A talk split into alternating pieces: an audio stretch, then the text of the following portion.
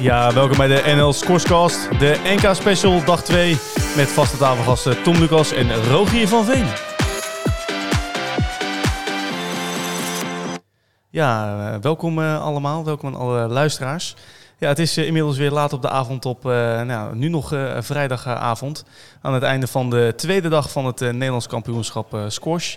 Ja, en het is voor jou en mij, Rogier, is het eh, ja, een beetje een, eh, Een dubbel gevoel. een, dubbel, een dubbel gevoel. Ja, we zijn natuurlijk neutraal, dus het, het maakt ons eigenlijk niet uit wie er, eh, wie er winnen. Maar gisteren hebben we allebei Player to Watch aangekondigd en die liggen er allebei uit. Ja, ja, Sebastian Hofman bij de heren en voor mij Renske Huntelaar bij de dames. Ja, want bij, Ongelukkig. ja terwijl dat, ja, Rens Kuntelaar misschien wel verwacht was om met, met 3-2 te winnen volgens scoreslevels van, eh, van Megan. Maar Megan was stoïcijns en won gewoon met eh, 3-0. Ja, nou dan moet ik het wel natuurlijk ter verdediging ook een beetje van mezelf opnemen. Dat eh nou ja, Renske had wel echt eh, last van de enkel, zag je ook wel eh, op de stream voorbij komen. Dus die, nou ja, Die had het gewoon even wat, wat, die had het wat moeilijker dan normaal. Ja. wat, wat lastiger. Precies. Ja, ja, en Sebastian Hofman, nou, de laatste wedstrijd van, van de dag, heeft het toch af moeten leggen tegen de good old en ervaren René Meijs. Een paar, we- paar weken geleden wist eh, Sebastian met 3-0 te winnen. Maar ja, zo op het centercourt hier bij Zotten Is ja, toch alles anders. is toch alles, eh, alles anders. Dus de goede vorm van de afgelopen week is, eh, is gebroken. Ik denk ook dat het misschien wel tijd wordt om ons de geloofwaardigheid van de podcast een beetje te gaan, een beetje te gaan opkrikken. Dus daarvoor hebben we nou ja, eh, Daniel Lagerwaard hier bij ons in, eh, in de studio. Vast eh, onderdeel van het, van het streamteam. Dus ook op de livestream vaak, vaak te horen. En fanatiek deelnemer. Ja, zeker weten, Tom. Ten eerste, dank dat ik hier mag zijn. Leuk om eens een keertje aan te schuiven in de podcast. Ik luister het altijd. Zowel voor de clubs als voor de squashers. Ja. Ik ben vereerd. Hoe is, het, hoe is het fysiek met je? Heel goed. Ik heb voor het NK heb ik helaas eh, een liesblessure gehad. Dus de voorbereiding was niet optimaal. En ik heb overwogen om, eh, om me uit te schrijven, maar ik was te laat. Dus ik dacht, nou, dan kan ik net zo goed wachten. En ik heb nu twee potjes gespeeld en één vijfzetter. En het, eh, het lijf houdt zich. Dus eh, ik ben tevreden. Ja, want die vijfzetter was tegen Dennis Krukkert. Hè. We bepalen we wie gaat er naar 9-12, wie gaat er naar 13, eh 13-16 in de heren 1 categorie. Ja, en daar moest het toch wel even, even diep komen. Want ik geloof je stond 2-1 voor. Nee, ik stond 2-1 achter. Nou moet ik wel zeggen dat Dennis in de derde game, denk ik, zes of zeven voorhand, overhead, crosscourt, niks shots heeft geslagen die allemaal raak waren. Ja, dan moet je hem ook zo'n game gewoon gunnen. En in de vierde game stond ik toen 10-2 Dat was het. voor. Je, je stond eh, zo ver voor en toen kwam Dennis nog helemaal terug. Ja, die won ik in een tiebreak. En toen de vijfde stond ik 8-2 voor. Toen werd het ook een tiebreak. Dus het moest van heel diep komen, inderdaad. Drie maar ik heb gewonnen, dus ja, eh, ik, heb, eh, ik heb menig keer eh, het, het, het racket op, het hoofd, op het hoofd gezien. Volgens mij zet je dan je longen wat meer open, zodat je wat meer lucht binnenkrijgt. Nee, je zet je longen open door tegen de scheidsrechter te praten heel veel. ik weet niet of wat dat, extra adem van. dat het beste advies is voor de, voor de luisteraars. Maar goed, Totaal niet, maar ik ben 42. Ik moet uit alle uit de andere vaatjes stappen. We wensen in ieder geval eh, eh, Priscilla weer heel veel succes morgenochtend bij het ontbijt voor de, voor de, wedstrijd, eh, de wedstrijdanalyse. Eh, maar je hebt ook mooie wedstrijden op het centercourt gezien. Welke is je het meest bijgebleven? Nou, er zijn er, eigenlijk zijn we er twee bijgebleven. Ik was na mijn wedstrijd even, mijn eigen wedstrijd even gaan douchen. En eh, Marco zat toen met Sander de wedstrijd tussen Pietro en Sam Gerrits te becommentariëren. En ik ging eerst nog in, de, in het publiek eh, naast Priscilla zitten om eh, naar de wedstrijd te kijken. Ik dacht dat 2-0 voor Pietro was, dat had ik verkeerd gekeken in de, in de gauwigheid. Het was gewoon 1-1. En daar was ik eigenlijk al best wel een beetje verbaasd over. Dat is vaak een op, opmaat naar, naar spanning en naar misschien een kleine upset. En daar hou ik altijd van.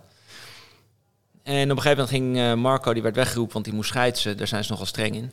Eh, toen moest ik er vlug bij gaan zitten. Toen eh, ja, heb ik die wedstrijd gekeken. Maar die laatste wedstrijd was ook weergaloos. Ja, maar, maar Sam had ook nog wel kansen om het, om het nog spannender te maken met een 10 10-8 voorsprong in, in de derde. Ja, het was echt op een haar na. En dat, dat is, het, het verschil zit in de details. En Pietro is een enorm ervaren jongen. En niet alleen dat, maar ook enorm sterk nog steeds. Gewoon fysiek. Ja, en als Sam kan je best een beetje daardoor in vertwijfeling raken. En dat, eh, dat zag je helaas op een heel klein detail in die... Voor mij sloeg hij een boosje down op eh 10-8, waardoor het 10-9 werd.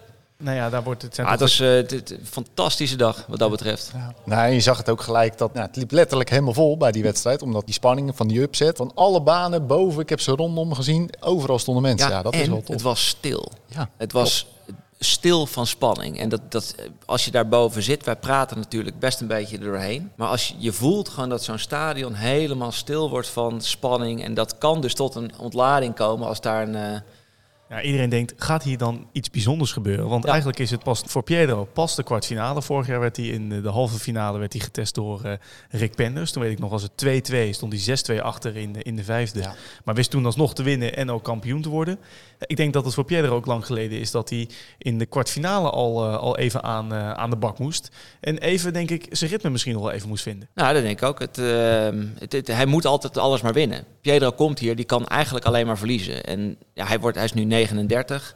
En er, er komt echt een hele fantastische jeugdgeneratie aan. Met zo'n Sam en Sebastiaan en Rowan en Guido. Die vandaag ook trouwens een hele leuke pot tegen elkaar hebben gespeeld. Ik denk dat voor het Nederlandse squash in de toekomst dat we echt geramd zitten. Als, dit, eh, als deze jongens zich eh, blijven ontwikkelen. Nee, er zit zeker, er zit zeker leuk, leuk scores tussen. Maar er is ook nog steeds een speler die, we nog, die al twee rondes verder is. Maar nog geen bal heeft geraakt op het, op het NK. En dat is Thijs Raukens. Die had nou, gisteren een walkover tegen, tegen David Fischer. Ja, en vandaag in de warming-up schoot het in de rug bij, eh, bij Joris Wagenaar. En, en moest hij zocht toch zich helaas vlak voor de wedstrijd eh, terugtrekken. Was een centercourt-partij. Ja, en dan sta... super sneu. Echt Ja. voor Joris, die was er kapot van. En dat kan ik ook begrijpen. Die, eh, die heeft gewoon kwartfinale gehaald. Die heeft gisteren een zwaar bevochten 3-2 tegen, tegen Knoet Hogevorst eh, eh, binnengesleept. binnengesleept. En dan tijdens het inspelen schiet het gewoon in je rug. En dan weet je, hij wist al gelijk dat het fout was. Ja, voor Thijs is het natuurlijk ook gewoon totaal niet ideaal. Dat is leuk hoor, halve finale. Maar Ja, aan de ene kant ben je nog fris, want ja, je hebt nog geen zware benen. eh, maar aan de andere kant lijkt het me ook wel surrealistisch. Weet je, wel? je hebt nog geen bal geraakt en je staat in één keer in de halve finale. Waar gelijk alle druk erop staat en het helemaal vol zit als het goed is. Ja, hoe, hoe ga je dan met die druk om? Eh, Kan je je daarop aanpassen? Of jullie hebben veel wedstrijden gespeeld. Hoe, hoe zou je daar zelf mee omgaan als je ineens in die halve finale komt te staan? Nou ja, ik- ik denk dat je in een toernooi moet groeien. En ik denk dat Thijs nu nul kans voor gehad. Die, die, volgens mij speelt hij morgen tegen eh, Rowan. Ja, hij speelt morgen tegen Rowan. Rowan wist eh, nou, te winnen in een eh, battle van uithoudingsvermogen tegen Guido Linder. Was op, op, aan, op aan 20, kun niet alles kwijt op het, eh, op het Was dat centercourt. trouwens 3-1 of 3-2? 3-1 3-1, voor, 3-1 eh, 3-1, voor toch? Rowan. Ja, ik, Ja. ik werd- moest op een gegeven moment hier eh, naar de commentary box. Ik kon het einde niet zien, maar dat was eh, hard tegen hard. Ja, kijk, als je aan mij vraagt, is zo'n kwartfinale partij... Het is een ander soort wedstrijd. Dus je wil wel in de wedstrijd groeien, maar zo'n kwartfinale... Thijs derde geplaatst, Joris zes. Dus dan ligt de druk erop. Dan, dan moet je in principe winnen. Morgen is een hele andere, een hele andere wedstrijd. Morgen wil je graag winnen tegen, tegen Rowan in, in de halve finale. Het brengt een andere spanning met zich mee. Maar ja, als je nog geen bal geraakt hebt, dan zit je ook nog niet per se in het ritme. Maar we gaan het, eh, we gaan het morgen zien. Want we gaan ook even kijken naar eh, nou ja, wat andere categor- categorieën. Eh, even weg van de, de heren en de, en de dames, eh, dames en ja, dan kijk ik toch eh, naar mijn collega Rogier. Want jij hebt ook wel weer wat mooie uitslagen gezien. Ja, zeker. Nou, we hadden natuurlijk vandaag de heren drie. Die kwamen weer in- actie. De dames drie zijn ook voor het eerst echt in actie gekomen. Ja, en daar zitten wel hele leuke verrassende uitslagen. Dus we hebben bij de heren drie hebben we hele mooie upsets. Jens van Homme, die, eh, die won van Bas Hunting als tweede geplaatst. Eh, Jens was 13-16, dus nou, echt wel, eh, wel knap. In vijf, vijf games. Maar Jelger Smit won van Bram van Bemmel. Robin Haakman wist van Jesper van Eck van der Sluis te winnen, ook in vijf. Dus dat waren echt wel, wel leuke potten in, in de heren 3. En ik zag nog een hele bekende in de heren 3. Ja, voor menig, voor menig scoresje denk ik ook. Willem van Meerkerk, oud, eh, oud collega. Nou, ik sprak hem nog voor de wedstrijd. Ik zeg, goh joh, eh, Willem, eh heren 3. Hij zegt, ja, ik kijk, er, ehm, ik kijk er weer naar uit om gewoon weer een wedstrijd met, met spanning ook te spelen. En, en dat ook weer gewoon, gewoon even goed, goed te voelen. Nou, goed, goed gevoeld, dat heeft hij denk ik tegen Ben Jansens. hij heeft zijn plaatsing helaas niet waar kunnen maken. Eh 3-1 voor, voor Ben. Maar goed, eh, Willem kennende zet hij morgen op zijn eigen verjaardag de schouders er weer tegenonder. En mag hij het opnemen tegen Bram van Akker. Ja, nee, dat, eh, dat denk ik ook. Ik hoop dat hij morgen een cadeautje krijgt op zijn verjaardag. Maar eh, nou ja, hij moet er wel voor werken. Maar hij was net, ik sprak hem net na, vlak voordat hij wegging nog even. Hij was wel zo eerlijk om te zeggen: van, ja, ik kwam gewoon niet in het spel door het goede spel van mijn tegenstander. Dus ondanks dat de plaatsing dan misschien net niet altijd even optimaal nog is. Ehm, ja, maakt dat wel, zorgt dat wel dat er hele verrassende uitslagen zijn die het toernooi uiteindelijk super eh, eh, leuk maken en, en verrassend maken. Waardoor ja, er toch over gesproken wordt. Maar ja, als we het toch hebben over verrassende uitslagen. In de dames drie eh, hadden we Borine Braakhoff als vierde geplaatst. Ja, die wist echt wel verrassend te winnen van Dieder Rennes als eerste geplaatst. Dus dat was wel een hele bijzondere uitslag. Ja. Zeker omdat ze al eerder op de avond had gespeeld tegen Zeudi Mazzotta, de voormalige Italiaanse. Eh, en daar had ze nog van verloren. Uh, dus nou, als je dan twee wedstrijden op een avond moet spelen dan, en dan de tweede wint tegen de als eerste geplaatste, vind ik dat uh, best, best heel netjes. Absoluut. Ja, en wat is daar verder nog gebeurd? We hebben Millie Verburg heeft daar gespeeld. Uh, sterk optreden gemaakt. In squash levels 8,4% omhoog gaan. Behoort tot de sterkste stijgers van de dag. Kijk, dat zijn de, dat zijn de echte klappers. Dat zijn de echte klappers, ja. Ik zag, ik zag zelfs al mensen op 18% voorbij komen vandaag. Dus die hebben echt een enorme uh, nou ja, groei doorgemaakt. Nou ja, we gaan het in het uh, dagoverzicht weer zien. Hè? Wie er Precies. de meeste, de grootste stijgers, stijgers Altijd op social media te volgen. Dus dat... Ja, en een van de fanatieke, meest fanatieke spelers is ook gewoon weer van de partij, Marco Plokker.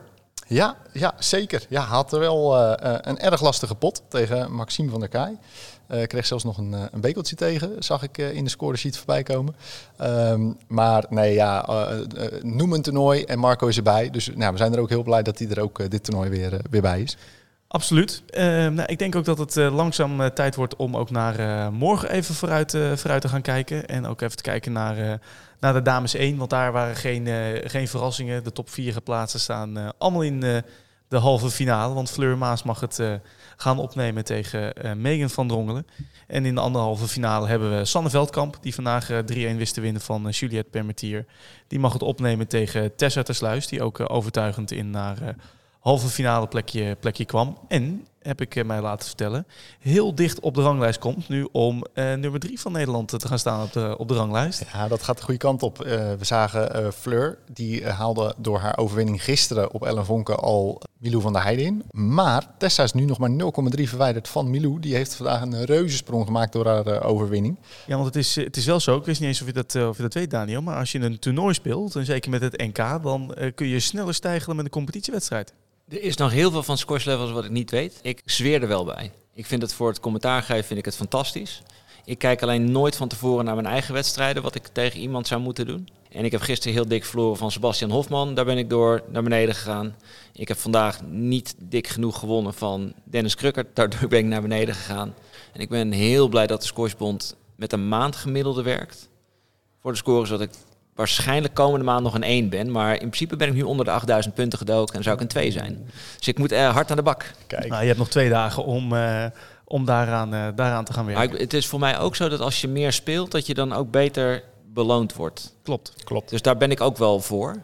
Maar vooralsnog denk ik nu nog, nog een laatste blik naar de halve finales van morgen. Livestream staat de hele dag natuurlijk weer aan, want het is een, een flinke dag. Ja, nou, en ik ben dan eigenlijk ook wel benieuwd, want Priscilla die noemde eigenlijk gisteren de match to watch. Uh, als jij een wedstrijd hebt... Ik ben morgen heel benieuwd naar wat er gebeurt tussen Thijs en Rowan. En dat is eigenlijk omdat de Rowan twee weken geleden hier tijdens de pre-nationals een enkel uh, heeft verstuikt of verzwikt. Ja. Ik zag hem de eerste dag zag ik hem al een beetje moeilijk lopen. Hij won vandaag wel van Guido, dat spreekt ook wel weer in zijn voordeel. Maar ik weet niet hoe die enkel zit. En volgens mij is Thijs de laatste tijd echt heel steady bezig haalt hij echt fantastische resultaten. Dus ik, ik, ik zie daar nog best wel een soort uh, een spannende wedstrijd in. Ik zou als een van beide wint, zou ik het eigenlijk geen eens een upset vinden.